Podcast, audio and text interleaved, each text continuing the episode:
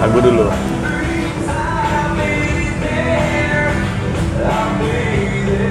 Iya, oke. Assalamualaikum warahmatullahi wabarakatuh. Masih saya bersama saya Riki Ujo. Dan saya Mat Fajar. Waduh, masih di Bicara Kopi. Selamat mendengarkan. Oh, diiringi lagu Incubus.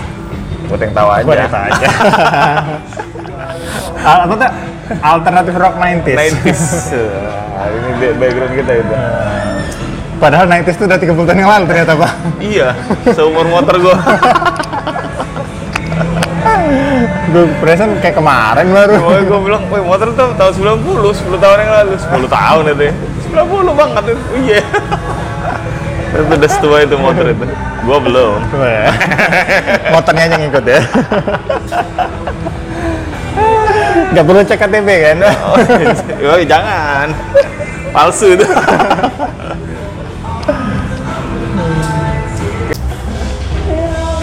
Oke guys. Sampai di mana kita tadi, Pak? Sampai di ini, Pak.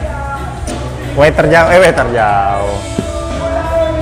Waiter Bar, nah, bar Bar waiter.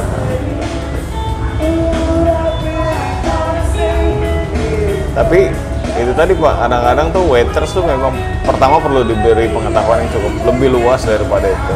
Bahkan dia harus menjelaskan, mungkin harus detail kali ya. Tapi jadi masalah adalah kadang-kadang baristanya sendiri Pak, kalau model yang langsung lu datengin, kadang-kadang baristanya juga nggak tahu juga Nggak sama tahu produk juga. itu Pak. Mungkin ini kesalahannya dari owner atau ya pemilik yang harusnya memberikan itu jauh lebih ini. saat ini kemungkinan itu terjadi makin besar karena itu tadi Pak. karena memang sekarang kan kondisi sudah berbeda ya owner murni owner kan sering kali saat ini. Jadi eh, barista ya semata barista gitu loh. Yang ya mungkin dia cuma nyeduh doang. Ya itu sih sebenarnya yang gue sayangkan adalah makanya lu pernah nanya apa pertanyaannya tuh? Iya mana nih yang si bedanya owner barista sih? Gimana pertanyaan lu? eh, Karena gue pernah dua-duanya gitu. eh, apa ya?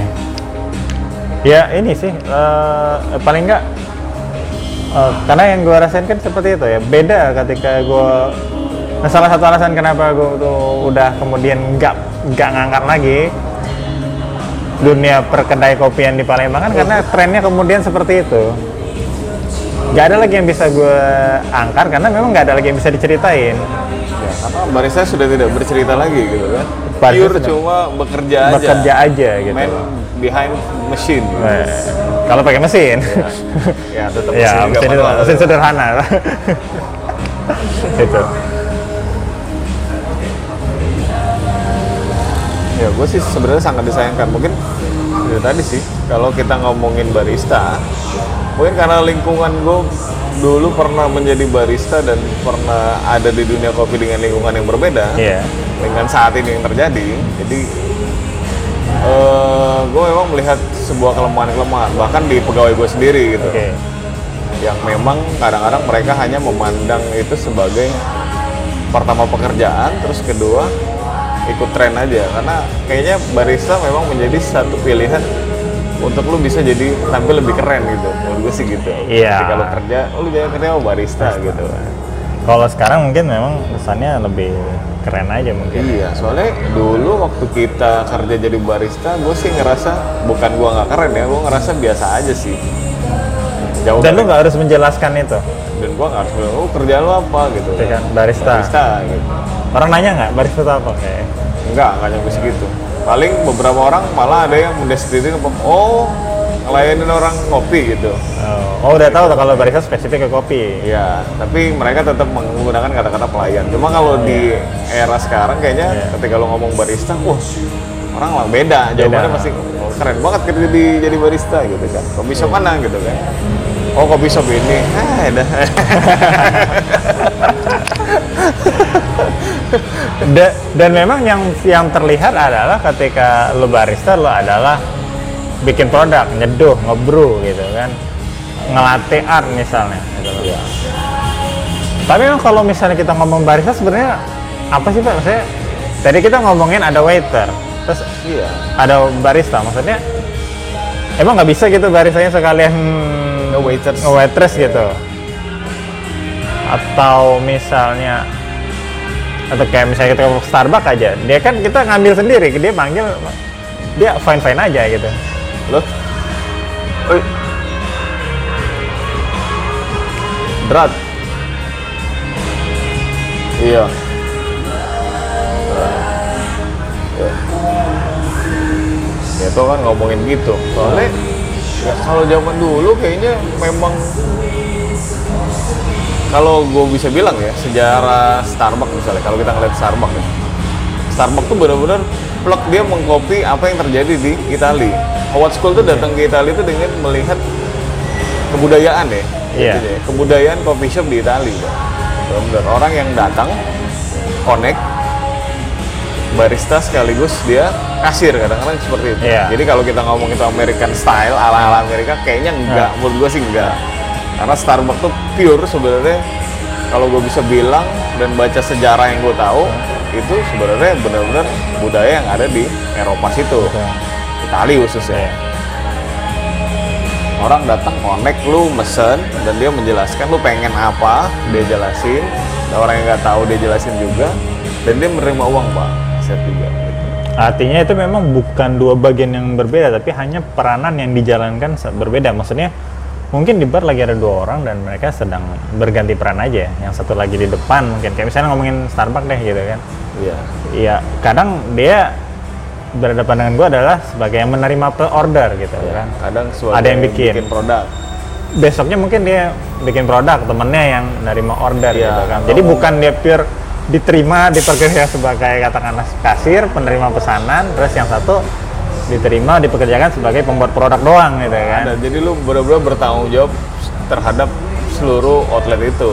Bahkan lu bisa aja ada di eh, ujung meja untuk ngambilin eh, Oh iya. kotoran yang ada Ah. di meja gitu. Misalnya lu habis makan apa segala macam, piring dan lain-lain gitu ya.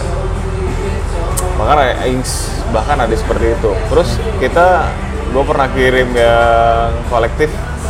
Hmm. Jadi dari Joni, Joni Roadrunner, Iya. yang barista cuma dua tapi dia melayani semuanya. Benar. Sebenarnya mungkin ya bukan mungkin sebenarnya itulah barista sesungguhnya. Lu benar-benar menjaga bar lu tetap bersih, lu tetap bikin produk, lu ngasir juga, bahkan lu mungkin bisa aja nganterin minuman itu ke customer lu. Iya. Mbak, maksudnya berarti mbak tidak ada apa ya? Rame itu bukan sebuah apa ya? Personel yang itu kayaknya benar-benar dimaksimalin ya. Bener banget. Kalau kita ngomongin kos kan, ya lu tahu sendiri pak. Kita ngomongin kos, kalau lu udah punya waiters pula, lu punya barista juga, itu sih sebenarnya menurut gue sih jatuhnya pemborosan jelas. Bukan karena gue pelit ya. Iya. Tapi memang itu job desk yang mungkin karena ada juga yang komen ke gue, bu ini apa enak banget ya maksudnya dengan bayar eh, segitu kerjaannya banyak gitu. Iya. Eh, menurut gue sih bukan soal banyak atau sedikit kerjaan, tapi ya emang job desk-nya seperti apa dulu gitu. Iya benar. Tapi menurut gua ketika lu tahu tentang seluk beluk store lu ada apa, lu lebih punya rasa memiliki pak. Itu yang gua rasain waktu dulu. Gue jadi benar-benar merasakan bahwa kalau ada yang kotor terus kalau mejanya nggak segera gue bersihin, itu tuh gue kehilangan pelanggan pak. Ya. Jadi gue ngerasa bahwa gue tuh punya punya coffee shop itu. Pada saat gue kerja itu, gue merasa gue punya coffee shop itu. Gue pengen orang tuh datang, datang rame-rame. Gue pengen setiap orang tuh nyicipin kopi gue, gue kopi yang gue buat gitu.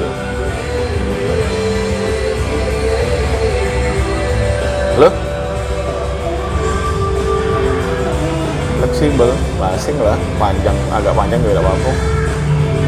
Kalau salah udah, udah, udah panjang-panjang kan kalau di toko itu kan, ya 30 cm kan, oke lah. Nah, jadi kalau misalnya itu juga kalau gue lihat kan eh, katakanlah misalnya di resto fast food yang ala Amerika misalnya, tetap aja mereka kan bergantian juga kan. Iya. Artinya ketika bukan tipikal yang oke kerjaan gue adalah ngangkatin piring kotor misalnya Betul. gitu kan. Bersih bersihin meja bukan itu. Tapi memang pada waktu itu mungkin gilirannya di luar apa ya ya bar lah ya gitu. Di luar di luar kotak itu gitu. Yang mungkin besok gantian gitu. Tapi tetap role-nya itu se- sebenarnya sama. Diri dia adalah sebagai pegawai di situ ya role dia ya keseluruhan gitu Iya karena kalau gue bilang adalah lu tuh barista itu adalah rantai terakhir pak rantai terakhir ketika lu customer kalau lu ngomongin koki kitchen Nah. itu dia nggak bukan rantai terakhir pak karena dia masih ada pelayan Oke. yang yang Oke. melayani itu karena kalau kita ngomongin layout lagi Nah. kitchen tuh benar-benar tertutup pak Yang orang lain pun nggak bisa masuk gitu kan Iya. memang cuma mereka jadi mereka akan merasa memiliki kitchennya pak Iya. akan merasa memiliki ketika lu bikin sesuatu yang eh, bikin masakan itu yang bener gitu loh. Iya. harus bener gitu Iya. kan lu har- akan merasakan begitu dari sisi layout aja lu nggak punya pintu keluar yang ke mana-mana kecuali ke ke belakang gitu Iya. untuk lu istirahat ngerokok atau apa gitu kan cuma kalau untuk pintu ke depan kan nggak ada kitchen itu. Maksud gue tuh Iya. ada tapi itu kan bisa Buk- di pintu semuanya gitu. Iya. tapi kalau barista lu kan tidak terkungkung di dalam satu tempat itu. Lu nggak nggak nggak benar-benar terpenjara di bar itu sih sebenarnya lu lebih fleksibel untuk bisa keluar masuk. Lu lebih fleksibel untuk bisa ngobrol sama customer atau enggak gitu. Beda sama orang Oh, kitchen sebenarnya misalnya. sebenarnya berarti nggak masalah dong ketika barista itu dalam tanda kutip ngobrol pak ya? Maksudnya ya nggak dalam kondisi rame sih maksudnya ketika katakan kalau pesanan sudah selesai semua dia keluar dari barnya mungkin Buat menghampiri sapa itu itu sebenarnya memungkinkan ya bukan Memungkinkan buat bukan berarti kemudian owner datang eh lo ngapain keluar gitu Ya, enggak lah, kecuali lu ngobrol sesama barista tiga biji di situ, sehingga minuman yang datang ke tempat lu itu jadi lama. Oh, gitu iya. misalnya. Nah itu baru lu harus marah. Tapi ketika lu jadi connect, menurut gua sih enggak sih. Itu harusnya sih menjadi sebuah nilai plus ketika lu menganggap customer lu itu sebagai ini. Tapi yang jadi masalah juga adalah, nah barista itu kita ngomongin pekerjaan barista ya Nah, yang menurut gue sih masih sangat jauh lah sama luar karena kita menganggap bahwa ini pekerjaan keren bukan pekerjaan keras maksud gue. Iya.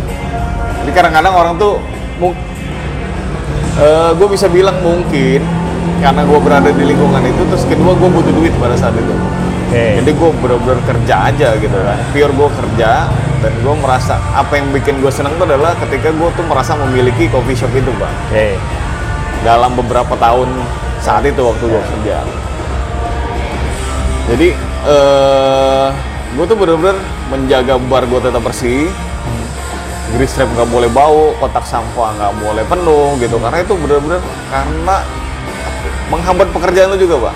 Iya. Ketika sampah itu terlalu banyak, lu mau buang susu itu nggak bisa lagi. Iya.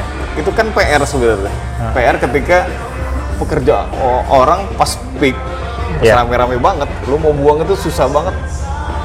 Eh, salah satu impactnya adalah mungkin lu akan menceburkan tangan lu tuh ke kotak sampah dan itu nggak baik banget menurut Ah. gua gitu. Cuma kalau misalnya masih lowong kan lu Iya. tinggal lempar aja sebenarnya nggak harus masukin Iya.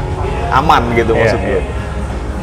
Nah ini ini tidak nggak ada gitu loh kalau di apa baris di sini mungkin sebagian masih menganggap bahwa ini sebuah pekerjaan yang pekerjaan yang mulia menurut gue tuh gitu bukan pekerjaan kotor gitu. Itu yang pertama. Terus yang kedua adalah eh,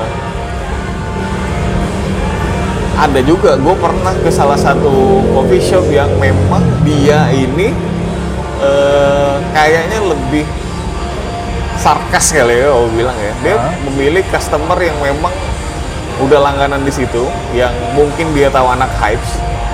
Dia akan memberikan pelayanan yang lebih kayak gitu loh. Ketimbang kita yang eh, pengen nyoba baru ke situ. Padahal sebenarnya kans itu adalah ke gue tuh lebih banyak gitu. Karena gue orang baru yang mungkin akan mengulang atau enggak betul. Tapi dengan perlakuan dia seperti itu gue ngerasa gue nggak perlu lagi ke situ. Bahkan gue nggak perlu menghabiskan minuman gue sih pada saat itu oke. Nah ini juga salah satu kesalahan dari eh, apa?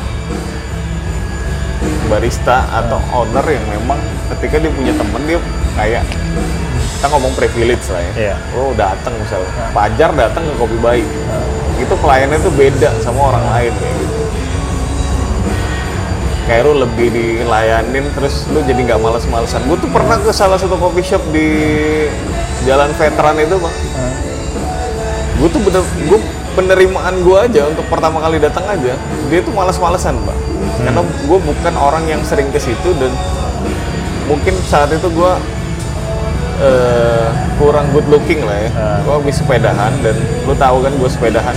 Baju gue tuh itu itu aja karena gue kaya bukan pengen terlihat kaya Karena sepedaan bener-bener gue sih Iya, ya, bukan karena lu- berfoto-foto, bukan ngasih makan Instagram ya. ngasih makan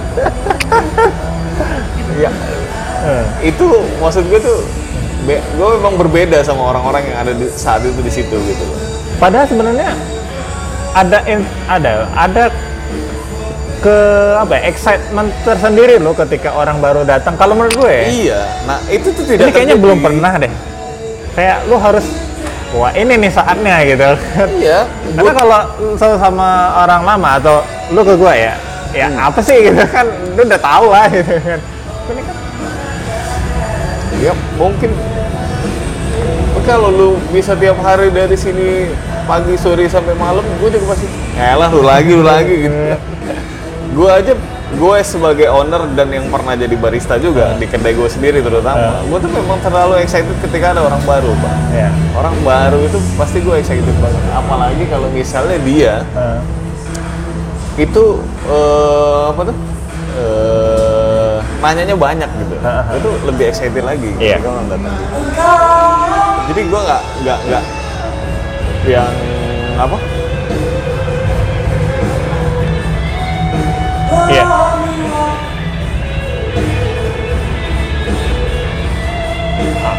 Atau mungkin kondisinya itu pak, kalau kondisi yang sekarang kan memang kan tidak ada obrolan-obrolan seperti itu pak. Jadi mungkin se- juga barisnya tidak merasa punya kewajiban untuk menceritakan sesuatu gitu. Jadi ya sama orang baru ya lu datang beli udah selesai gitu. Kalau dulu mungkin kan lu merasa gue pengen ada yang gue ceritain nih gitu. Ini barang gue ceritain nih. Kalau yang datang kan ngapa lagi yang mau diceritain udah sebenarnya sudah cerita. Tapi kalau yang baru, nah ini saatnya gitu kan. Gue pengen ngomong lagi. ya itu yang jadi masalah yang apa sih ya Eh, yang gue bingung adalah pertama gini sih Eh, oke kita memang kita memang tidak boleh salah sama produk kita pak. Betul. tapi ada satu hal yang pemilik kedai atau barista tidak pahami adalah sebenarnya orang datang ke coffee shop itu mencari experience pak. Itu sebenarnya yang harus digarisbawahi pak. Lu tuh sebenarnya saat ini sudah nyari experience pak. Lu mau ngomongin kopi susu aren itu semuanya sama pak. Gue bisa bilang sama lah ibarat. Iya. mau di kopi baik kayak mau di kopi mana lah. Nah, itu sebenarnya sama bedanya lebih manis atau tidak manis? Lebih strong atau tidak strong? Lebih susu atau tidak susu cuma itu doang. Jadi sebenarnya lu nggak nggak nggak bicara tentang lu mencari rasa lagi pak. Lu akan datang ke coffee shop tuh benar-benar mencari sebuah experience. Seperti yang kita bahas sebelumnya di podcast podcast Iya. sebelumnya. Lu mencari suasana yang cukup baik lu mencari barista yang bisa menerima lu gitu. Loh hmm, iya. Itu kan yang jadi misalnya kayak misalnya nggak semua orang tuh punya privilege yang sama gitu loh. Nggak semua orang tuh ketika datang oh ini Ricky oke gitu kan gitu. Ada orang-orang yang nggak oh ini siapa orang ini? gitu kan. Penting banget kayak gitu. Oh, iya. tapi kan maksud gue tuh lu nggak bisa lu benar-benar ketika lu ke coffee shop tuh benar-benar sekarang menurut gue tuh yang lu cari adalah experience pak. Benar-benar pure experience. Lu gue tanya sama lu mungkin ya itu tadi lu bilang kan gue tuh mungkin tidak seintens lu karena tidak ada obrolan itu lagi. Lu kehilangan experience ketika lu nongkrong di Iya, benar. kopi, kan? Ketika apalagi ketika misalnya dia nggak apa dulu itu kan posisi yang oke itu kan adalah ketika dia apa meja bar ya di kursi bar ya. Kursi bar itu kan eh, sebuah kayak apa ya kita bilang mimbar lah ya memang hmm. kita berkomunikasi Khotbah, gitu kita kan. berkhotbah. berkhotbah gitu kan. Dan itu kadang memang salah satu spot paling intens lah gitu kan. Ngobrol dan dan gue aja kalau misalnya ke main ke sebuah tempat yang ada tempat kayak gitu misalnya. Gue lagi duduk di situ gue lagi ngobrol misalnya sama baristanya terus gue melihat ada orang baru dan dia pastikan datang ya posisinya kan nggak pakai waiter nih ya misalnya ngobrol gue kan dengan sangat senang hati loh mempersilahkan mereka itu duduk di situ untuk mendapatkan experience. Ya ini lu mau nanya apa lu mau ngobrolin apa silahkan. Nggak masalah gue pindah gue duduk di situ. Karena menurut gue setiap orang harus punya kesempatan untuk mendapatkan hal yang sama gitu. Masalah kemudian mereka baik lagi nyaman atau enggak oke cocok apa enggak itu kan kemudian gitu loh. Iya. Ternyata oh mereka nggak cocok nih sama barisannya atau dari tempatnya segala ya udah gitu tapi setidaknya mereka sudah ada berkesempatan Tuh. gitu. Soalnya kalau kita ngomong kenyamanan tuh impact ya jadinya ke setelah kedua kalinya. kan? iya kenyamanan itu adalah sesuatu yang membuat kita akan datang lagi gitu Betul. Nah kalau misalnya kita ngomongin eh, apa ya? Hmm, tadi kita nggak apa soal flow misalnya, lu datang, apakah lu akan langsung ke bar, eh sorry ke kasir atau lu duduk? Nah sebenarnya kalau gue sih mikirnya gini pak, sebenarnya flow kerjaannya barista itu kayak mana sih pak? Sehingga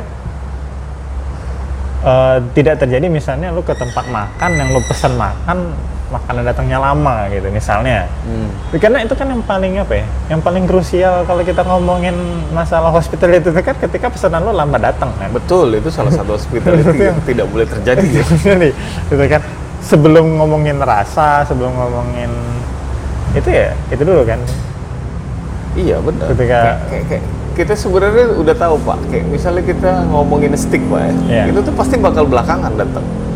Ya Karena itu kan sesuatu yang lama. Itu Betul. kan maksudnya eh, sesuatu yang sebenarnya customer tuh bisa menilai sendiri pak.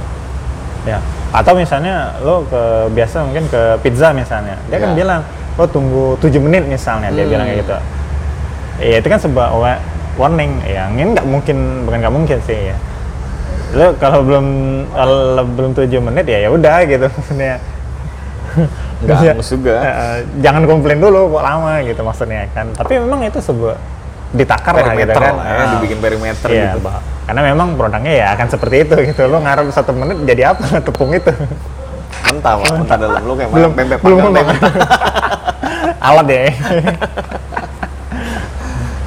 nah, tapi kan ada sebuah itu sesuatu kejadian-kejadian yang yang ajaib dan apalagi kalau misalnya kita ngomongin kedai kopi lagi nggak rame atau jangan-jangan lu dat lagi lu sendiri atau berdua gitu kan lagi cuman lu terus tiba-tiba lu pesan datangnya lama gitu Oke, kalau lo ngomongin flow itu, gue sih apa ya? Gue pernah ada di suatu bar ya, eh, yang memang menuntut konektivitas tuh, Pak. Ketika gue bikin produk tuh, Pak, gue harus berhenti, Pak. Mbak, maksudnya harus berhenti. Ya harus berhenti ketika ada customer. Lo tuh akan say hello dulu. Oke. Heeh. Kalau dia nerima pesanan, sebenarnya bisa nggak lu catetin dulu, tapi lu bisa nerima pesanan itu, Pak. Oke. Setidaknya seperti itu. Ah. Artinya kan itu sesuatu yang memang diharuskan. Menurut gue sih seperti itu. Ya. Eh, walaupun nanti ketika lu udah ngecerotin apa, Ah. gue lupa nih, itu kan nggak boleh. Karena Ah. gue sih berpikir bahwa pekerjaan barista itu menjadi sesuatu yang eksklusif dulu tuh karena barista itu pintar-pintar pak, dan itu harus pintar. Entah itu ingatan fotografis kah, Ah. atau ingatan lu harus kuat gitu, cara menghitung lu harus langsung cepet gitu. Nah, Itu baru lu bilang bahwa gue minta gaji gue sekian gitu, gue minta Oke. gaji gue selesai UMR. di situ profesional Di ya, situ Pak. ya? profesional ya. Tapi ketika lu bilang, "Hai Kak, aku tidak nomor si grease trap ini. Apa gawe buang sampah, cari uang lain deh." Tapi lu meminta sesuatu yang lebih itu. Itu kan sebenarnya lu udah nggak profesional. Bahwa lu tidak tidak bisa menjaga apa yang jadi kerjaan lu. Kayak lu misalnya lu kerja di kantoran. Setidaknya lu kan beresin meja lu sendiri Iya. gitu kan. Ketika kertas berantakan apa gimana, lu kan tetap lu harus kerjain sendiri itu. Nah, hal-hal seperti itu lah bedanya apa? Bedanya memang lu punya meja yang jauh lebih besar gitu jangkauannya dari sekedar meja kantor yang cuma Iya. komputer printer katakanlah. Punya printer di luar. Dan kertas-kertas tala pena mungkin cuma se- sekecil itu. Tapi kita barista punya meja yang jauh lebih besar. Bartender juga gitu pak. Iya, lebih panjang-panjang lagi. lagi bartender. Eh, bartender itu malah bartender kalau kita nonton itu kan lebih connect mereka tuh benar-benar yang ngobrol walaupun Sambil bikin ya? sambil bikin walaupun dia nggak nganterin minuman itu ke customer gitu Ya. karena dia punya waiters gitu kan Nah. waitersnya juga mungkin dengan eh, pola yang sudah di s- style gimana gitu kan tapi menurut gue tuh itu itu adalah ada sesuatu yang hilang eh, tentang arti barista saat ini. Menurut gue sih seperti itu. Entah memang zaman memang berubah atau memang ada ada sesuatu yang gue bilang secara kasar adalah ada owner yang instan karena dia bisa nyeduh lu pengen bikin kedai. Padahal Iya. kedai itu bukan sekedar lu bisa bikin produk lu bisa jualan bukan itu. Tapi lu benar-benar memberikan experience memberikan pelayanan terus tuh lu mengajarkan barista lu tuh untuk untuk gak bego itu pertama terus lu bisa bertanggung jawab gitu.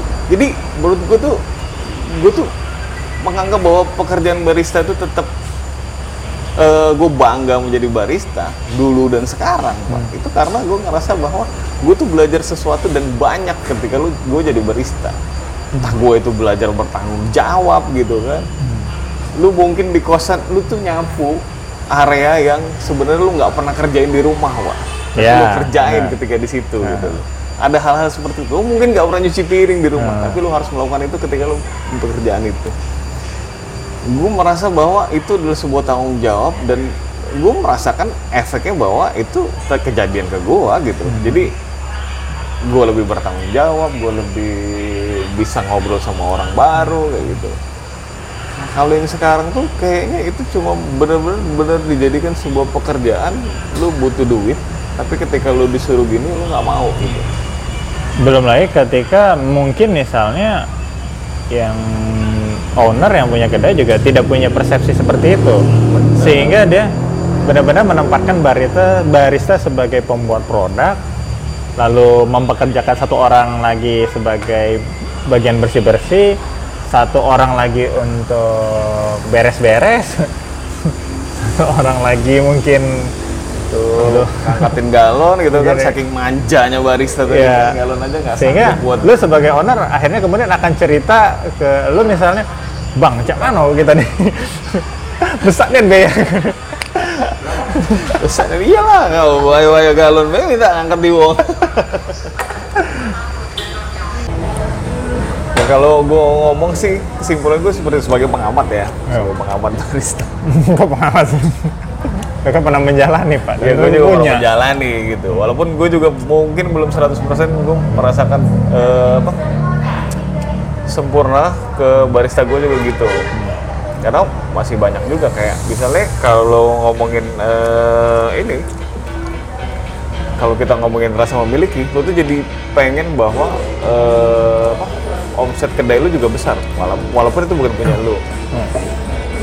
Katakanlah mungkin di situ ada kata-kata bonus lah ya, Iya. atau bonus atau nggak bonus. Kayak dulu gua kayaknya nggak mikirin bonus atau nggak bonus sih, pak. oke Karena masih tembus. Enggak, maksud gue tuh gue bener-bener akhirnya menjadi terbawa pak, menjadi menjadi suges bahwa waduh ini harus rame harus ini gitu loh dan semua dan gue tuh kebawa sama lingkungan gue juga pak ketika gue di bar itu juga semua orang ayo nih bentar lagi tembus sih bentar lagi tembus sih gitu. Lu jadi kayak ada yang nge-push gitu padahal gue nggak mikir memang bakal dapat apa? Iya. gitu kan lo memang ini. Nah itu juga lu yang beda. Katakanlah lu ke kenangan sama ke Starbucks lagi Starbucks lagi nih Iya. sorry nih ya. Starbucks lagi. Kalau di kenangan lu akan ditawarkan adalah promo pak. Oke promo. Kalau di Starbucks nggak ada promo pun Hah? Mereka bisa bikin sesuatu itu jauh lebih mahal edisional ya namanya. Iya oke. Lu mau eh, mungkin itu juga yang menjadikan eh, secret recipe di Starbucks itu ada pak muncul. Oke. Itu karena eh, apa si barista juga menjual sesuatu yang tidak mungkin menjadi mungkin gitu loh. oh itu ada Red seperti itu lu masukin di blender itu kan sesuatu yang konyol mungkin kalau misalnya itu tapi kan mereka selama itu menjadi lebih tinggi dan ternyata rasanya oke oke aja ya bisa, bisa gitu aja gitu bahkan kalau lu ngomongin mungkin lu akan heran kalau misalnya cappuccino vanilla cappuccino oke Tapi kan lu bisa mewujudkan itu di Starbucks, Pak, dengan dia menjualkan edisional. betul Dia bisa aja ngomong, ah, cappuccino, cappuccino doang cuma 36, eh, sorry, 40 ribuan. Gitu. Lu tambah edisional 7 ribu, eh 6 ribu misalnya. Bisa jadi 50 ribu. Pak, cappuccino aja mau jadi vanilla nggak? Gitu. Itu sesuatu yang lu nggak ada promo, tapi lu bisa menjual itu, Pak. Lu kayak di Indomaret ya, lu bilang Indomaret template. Lu kalau ke kopi kenang kan akan menjadi template juga. Ada promo buy one gitu, Pak. Udah, lu nggak mau pakai itu terserah. Oke. nggak nggak ngejarin ke situ. Tapi ketika lu bicara itu ke Starbucks, lu punya sesuatu yang berbeda lagi. experience lagi Experience lagi, experience-nya di mana? Gue baru di sini nih nemu cappuccino dikasih vanilla. Padahal sebenarnya tempat lain juga bisa, tapi lu tidak ditawarkan dan tidak dibukakan paradigma lu untuk pikiran lu untuk eh, nakal untuk bisa bikin cappuccino vanilla, cappuccino karamel, mint cappuccino mungkin sesuatu yang menu yang lu merasa eh, eksklusif banget ketika lu gue bikin resep sendiri walaupun bukan gue yang buat gitu barista. Tapi gue yang nyuruh dia untuk ngasih min ngasih apa segala macam gitu. Hacker ya. Nggak tahu nih apa ada di dalam.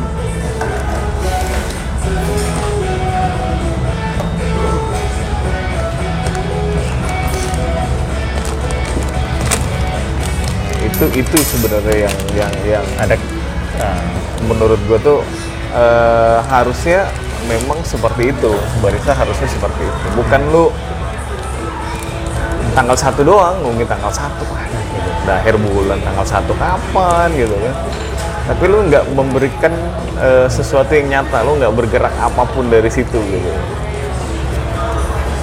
Ya, memang di sini memang harus ada sinkron ya antara si barista kalau misalnya memang dia memang sebagai barista doang gitu di kedai itu. Artinya memang dia sebuah katakanlah memang coffee shop dia kan barista doang yang sinkron yang sinkron dengan eh, ownernya gitu. Ownernya juga paham. Iya harusnya paham juga. Karena eh,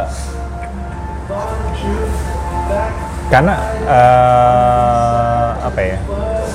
Ya itu tadi. Apalagi zaman sekarang. Maksudnya persepsi bahwa kok kerjaan gue banyak mana maksudnya ini kan bukan kerjaan gue sebagai barista misalnya. Lu, Iya. lu, lu- itu ada ada lu orang juga yang nyuci ah, ah, nyuci, nyapu. Nyapu. Ngapain nyapu? Oh, ini barista. Bersihin WC misalnya Iya. kalau lu punya WC kan bahkan sampai segitunya. Gue kan barista gitu kan. Bos gue nggak nggak masa nggak bisa bayar gitu. Atau mungkin uh, kayak itu tadi ownernya nggak nggak sampai kepada pemahaman bahwa job desk barista itu memang keseluruhan dan memberikan apa ya rasa memiliki itu sehingga pada akhirnya kalau apa ya gue bilang sih kayak cari penyakit sendiri. Itu tadi kan mempekerjakan orang yang terlihat mungkin baik ya. Lu punya satu tempat terus pe- pegawai lu 6-7 orang gitu kan. Tapi minuman lama. Lagi-lagi. Produk lama satu kedai satu pintu ruko 8 orang. Dan yang mungkin buat sebagian orang yang bisa lah atau ngerti gimana cara costing langsung mikir lu bisa lu harus ngumpulin berapa? Lu berapa apa sehari lu harus jual berapa? Gitu pertanyaannya. Ya enak kalau memang benar-benar rame pak. Lah kalau enggak? Nah itu. Lah gua aja dulu maksud gue tuh eh, gua ada tiga shift. Gua pertama kali di Starbucks tuh 11 orang pak 11 orang. 11 orang tiga oh tiga sih berarti 24 jam. Hampir 24 jam. hampir 24 jam. Itu 11 orang dengan ta dengan target 1 eman pak. Sebulan. 1,2 kalau nggak salah satu Sebulan. Eh, itu masuk akal lu gitu selama lu Masuk tiga shift Ah. 11 orang lu tiga shift. Oke. Dari pagi buta sampai malam menjelang. Ya sampai lu ketemu matahari lagi Ya. lu harus kerja target lu 1,1 eman lebih. 1,2 kalau nggak salah. 11 orang tuh waktu itu 1,2 oke. 1,2 dan lu nggak satu orang 100 lah ya. Iya. Dan di Starbucks tuh ada ketentuan buat punya NSS pak. NSS tuh eh, vendor OB Oke. security dan eh, apa namanya? Busboy Oke. nyuci piring apa segala macam. Lu ngepel tuh lu bukan tanggung jawab lu lagi. Oke. Oh karena lo di satu tempat tertentu Satu kan tempat di, tertentu. di di di bandara Di ya. bandara. Oke. Nah, kita aja dengan orang 11 orang karena kita merasa kita dianggap mampu pak kita tuh nggak pernah dapat untuk pengajuan NSS itu pak vendor Satu sih berapa orang pak? satu sih tiga orang pak Satu sih tiga orang. Sih tiga orang aja Tiga orang aja. tiga orang aja Itu semua ya nggak di Iya, bar doang. itu cuma disisipin satu satu orang ketika middle pak Oh middle iya, jam 7 middle. middle jam 10 pak karena kita kan dari subuh mau nggak mau harus ada Iya. yang istirahat ketika jam 7 pagi Bener. Nah, itu itu yang di diambil tapi posisinya tetap sebenarnya cuma tiga orang satu kasir kecuali di siang Kalau orang pagi-pagi itu kan subuh itu kan termasuk jam rame pak kalau ngomongin bandara. iya benar itu kalau midnight pun cuma dua orang pak Oke. jadi ketika lu pagi pagi itu lu ke, lu bisa buka dua kasir pak katakanlah jadi ada empat orang yang bekerja Oke. Tapi dua kasih. dua kasir satu barista yang midnight itu dia bukan bekerja tapi mengisi stok supaya itu tetap jalan Oke. atau menunggu sebelum yang pagi datang pak Oke. Backup lah ya. backup. Tenaga Tapi cadangan. kalau ya kalau kita ngomongin eh, apa rata-rata kita ngomong itu tetap tiga orang pak. Dengan omset 1 m itu pak lu cuma butuh tiga orang. Satu kasir satu barista satu barista support. Kita nyebutnya CM pak cafe manager. Cafe manager tuh lu ngawasin seluruh area. Kalau misalnya ada yang kotor tumpah apa segala macam lu pel dan segala macam itu cuma butuh tiga orang. Jadi barista cuma satu Pak. satu barista tuh megang dua bar Oke. kasir megang makanan Makanan. lu manasin Ya, betul. makanan apa segala macam Oke. jadi dengan lu seperti itu itu sebenarnya menurut gue itu sesuatu yang paling efektif menurut gue Itu nggak pernah senggol-senggolan tuh pak ya? Nggak pernah senggol- kan bar kan kecil. barnya kecil dan lu memang cuma satu orang di situ pak oh iya.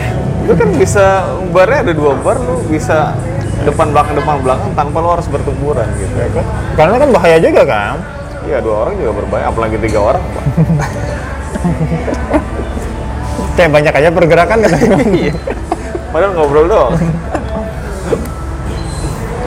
nah itu tuh ada apa sesuatu yang menurut gue tuh akhirnya ya mungkin itu tadi si owner juga tidak pernah berada di dalam eh, bisnis ini secara langsung Oke.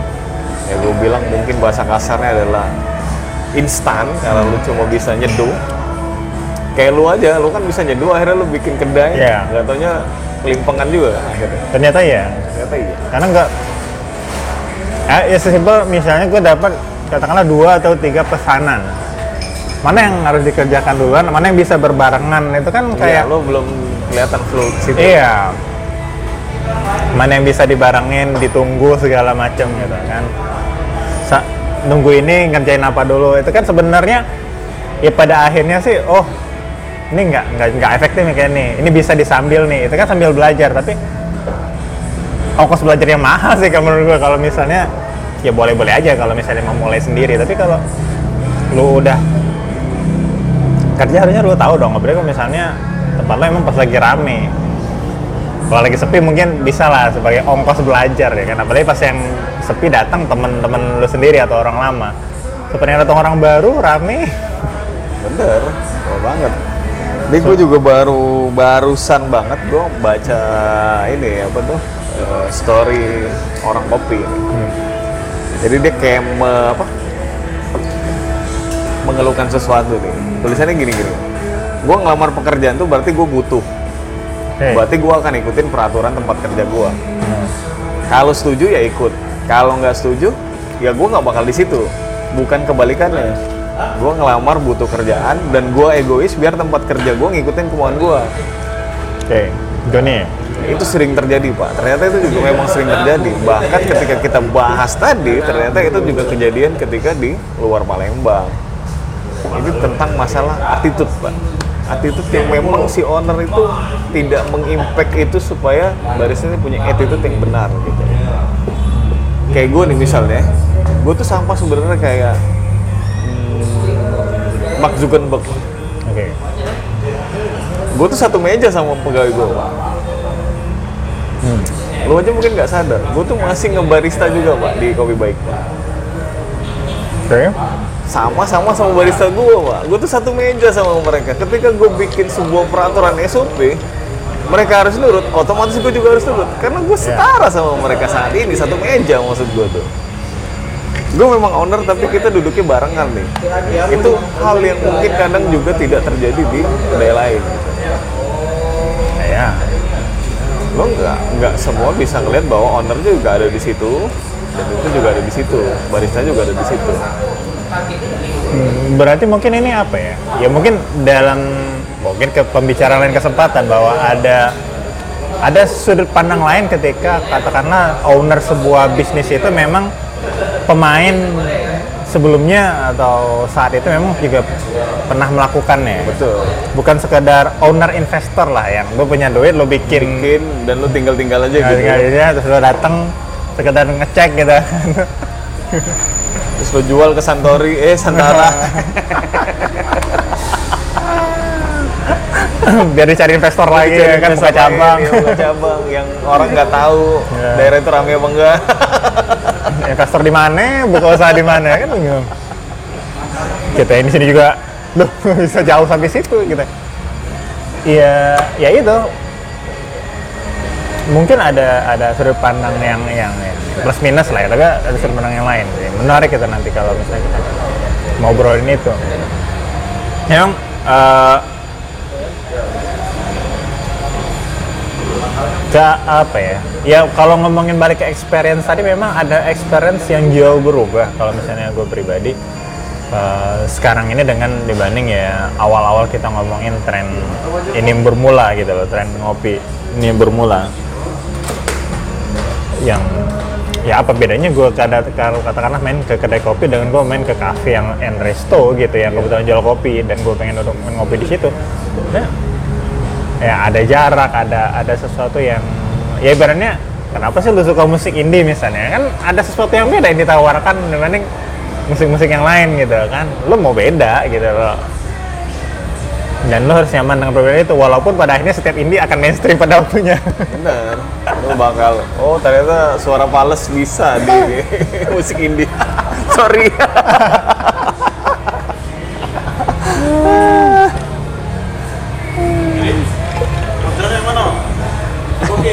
gitu. Belum kelar.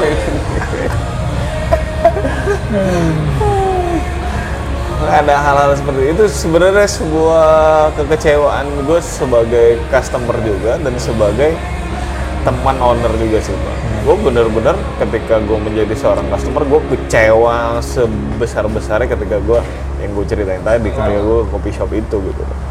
Dan gue eh, bilang sama diri gue sendiri bahwa gue nggak akan lagi ke situ. Sampai hari itu pun gue nggak pernah. Gue terhitung ke situ dua kali deh kayak jatuhnya.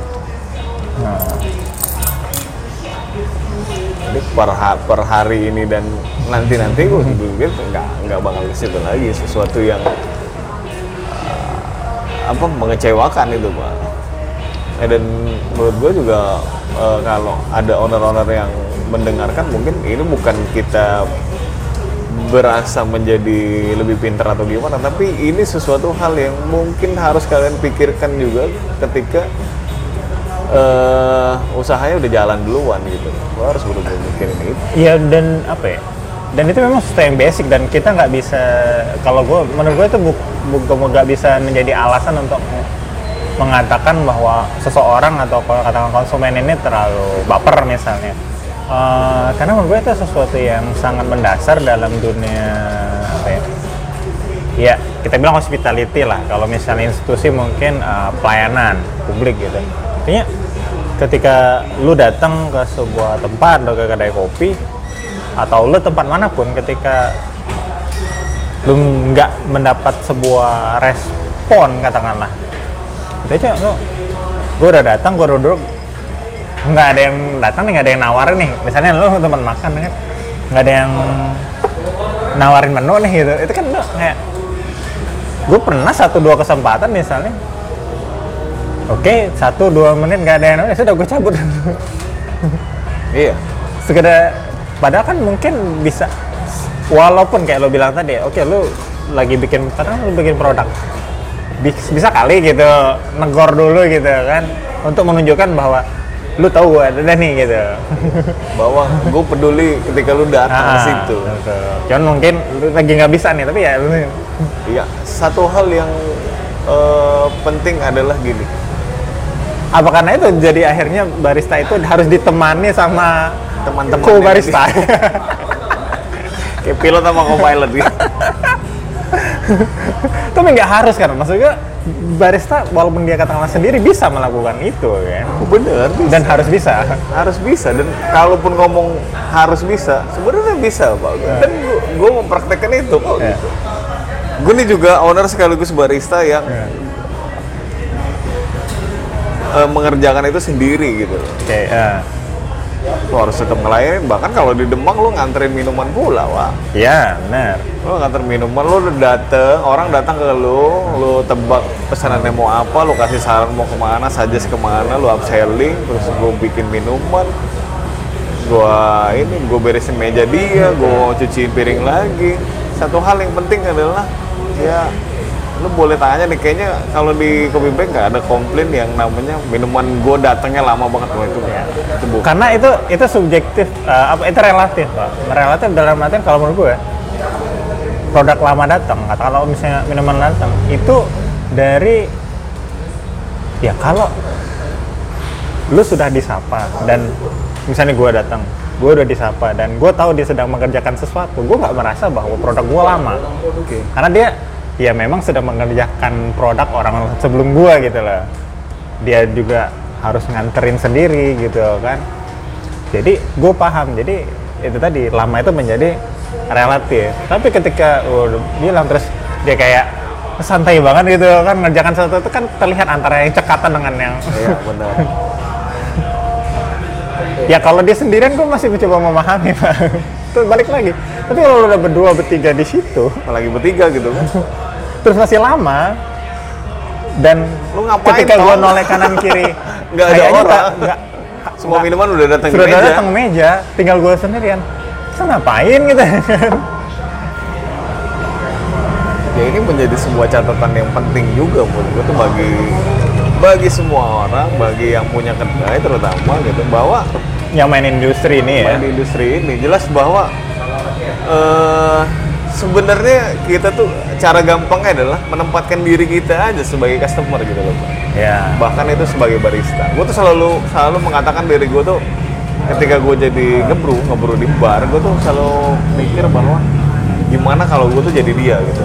Oke minuman gua ada semut misalnya tuh. Iya. minuman gua lama dateng kayak gitu. Itu kan sebuah kekecewaan sih menurut gua tuh. Dan gua nggak pengen dia nggak datang lagi ke tempat gua. Gua nggak pengen eh, apa eh, suatu hal buruk terjadi lah sama dia dan sama kedai gua gitu. Terus tuh apa ya oh, gua bilang dan ini nggak ada hubungan karakter misalnya oh dia orangnya pendiam gitu. Nggak ada gua gue punya gue pernah punya gue pernah ngelamar pegawai pak. Eh gue punya pelamar ke kopi baik. Eh dia kerja di satu perusahaan Ah. yang memang eh, mirip-mirip tempat gue kerja juga. Oke. Dia mengatakan bahwa gue tuh dulu pemalu pak. Nah, tapi ketika gue kerja di situ gue tuh jadi mulai berani gue merasakan ingin ngomong ingin Ah. connect sama orang kayak gitu walaupun sebenarnya gue tuh bukan orang yang terbuka gitu. Katakanlah ketika gue ada di tempat kerja gue tuh menjadi orang yang berbeda. Iya. walaupun ketika gue pulang gue akan menjadi orang yang sama Iya. lagi gitu. jadi menurut gue sih nggak ada. Ya itu tadi maksud gue ya dari Iya, statement betul. si story Instagram itu aja udah jelas sebenarnya ya lu ketika lu memang butuh pekerjaan itu lu harus ikutin SOP itu kalau lu tetap egois Pak, aku nih pemalu lah Ya.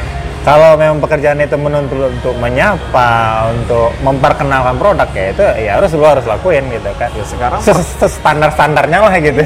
sekarang pertanyaannya kalau emang lu pemalu Ya pertama lu nggak harus kerja di situ. Lu Iya. memilih pekerjaan itu kan karena lu nggak punya Iya, pilihan lain, benar. Pak. Karena lu nggak bisa melamar itu di back office misalnya. katakanlah.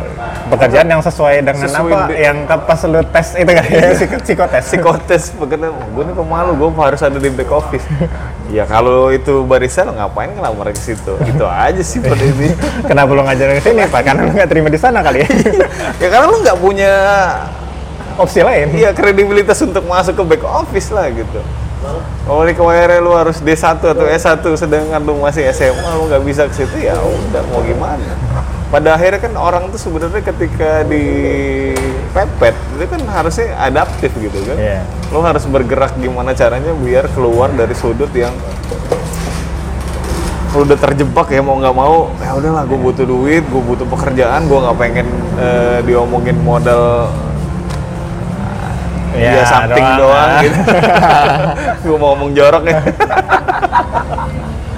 Nah, oh, akhirnya kan pada saat itu harus gitu juga gitu. Wah, sama, gue juga gitu pak. Gue dulu waktu memutuskan untuk berhenti, gue berhenti dari Starbucks karena gue nggak bisa pindah-pindah tuh ke Palembang karena gue mau kawin pak. Oke. Pada saat itu gue putusin untuk berhenti dan gue menerima karena pekerjaan yang ada di saat itu adalah cuma sales pak. hmm. Gue kan nggak bisa ngejar-ngejar orang kayak gitu kan. Gue bisa upselling tapi gue nggak bisa ngejar-ngejar orang kayak bismi misalnya lo. Oh diketel-ketelin terus di WA terus sampai DM jadi terus gitu. ya. Kan gue nggak bisa kayak gitu. Tapi pada saat gue berhenti, gue tuh sudah memutuskan bahwa dari gue tuh gue nggak bisa pilih pekerjaan. Dan sales ini kalau gue terima apa pun resikonya, ya gue harus kerjain itu maksud gue. Jangan akhirnya aku nih malu. Nggak bisa jualan Coba bantu lah. Kalau ada ini terima aku baik apa. Biar aku WA WA ngelanjutin kan nggak bisa kayak gitu. Mau nggak mau memang ketika lo emang butuh sesuatu dan lo pengen jadi makanya saat ini sih require ketika ada orang yang melamar ke Kopi Bag sih sebenarnya tujuan lo apa dulu mau kerja? Kalau lo pengen keren-kerenan kayaknya oh kayaknya gua nggak bisa nerima lo deh gitu. Karena ini kalau di Kopi Bag jelas bukan sesuatu yang keren-kerenan nggak ada nggak ada keren-kerennya gitu. Jadi mungkin kalau untuk episode kali ini wah kita bisa menyimpulkan. Bahwasanya. Silakan pak. Gue ya. Jadi kalau misalnya uh, memang kondisinya sudah beda. Artinya apa ya? Beda dalam artian dunia skena kedai kopi itu memang udah nggak kayak dulu lagi di mana sebagian besar itu adalah owner merangkap si barista juga gitu. Tapi eh, satu hal yang kayaknya nggak bisa berubah, nggak boleh berubah itu experience yang ditawarkan ya. betul itu yang tidak Betul, boleh ya. hilang dan tidak boleh kepuasan konsumen ya ya experience lah entah itu dalam bentuk kenyamanan entah itu dalam bentuk kualitas produk keberagaman produknya atau keseragamannya produknya keseragaman produknya balik lagi kan eh, apa experience yang ditawarkan dan eh, ya ngomongin barista itu ternyata pekerjaannya itu nggak satu dimensi atau dua dimensi cuman sekedar nyeduh atau di belakang mesin doang. Yang memang terlihat keren tapi ada yang membuat keren itu menurut gue adalah apa yang dia kerjakan di balik itu justru. Betul. Ketika uh, barista itu terlihat keren ketika dia memang apa ambience dari tempat dia kerja itu itu tadi memberikan experience dan kenyamanan dia baru lihat keren sih kalau menurut gue oke pak oke eh, inilah bicara kopi jangan lupa dukung kami di bicara di Instagram bicara kopi.plg di channel YouTube kita juga bicara kopi Palembang di Nah, Spotify di pastinya. Spotify pastinya. Terus dukung eh, podcast ini supaya terus bisa berlanjut memberikan Iya. sesuatu yang mungkin bukan mungkin sih pasti berguna buat kalian. Iya. Walaupun di tengah-tengahnya ada bercandaan kita supaya obrolan ini tidak terlalu serius-serius amat gitu kalau kata orang. ya apalah daya kita cuma bicara aja sih Iya. sebenarnya Dan kalian para pendengar kopi, wah karena kita bicara berarti fans kita adalah pendengar Pendengar. kopi. Selamat menikmati. Mohon maaf kami harus undur diri dari telinga kalian masing-masing dari ruang dengar kalian masing-masing tadi kamar atau di kedai kopi. Silakan setelah mendengarkan membahas dengan teman sejawat dan selamat menikmati. Wassalamualaikum warahmatullahi wabarakatuh. Saya Riki Ucok. Dan saya Fajar. Adios.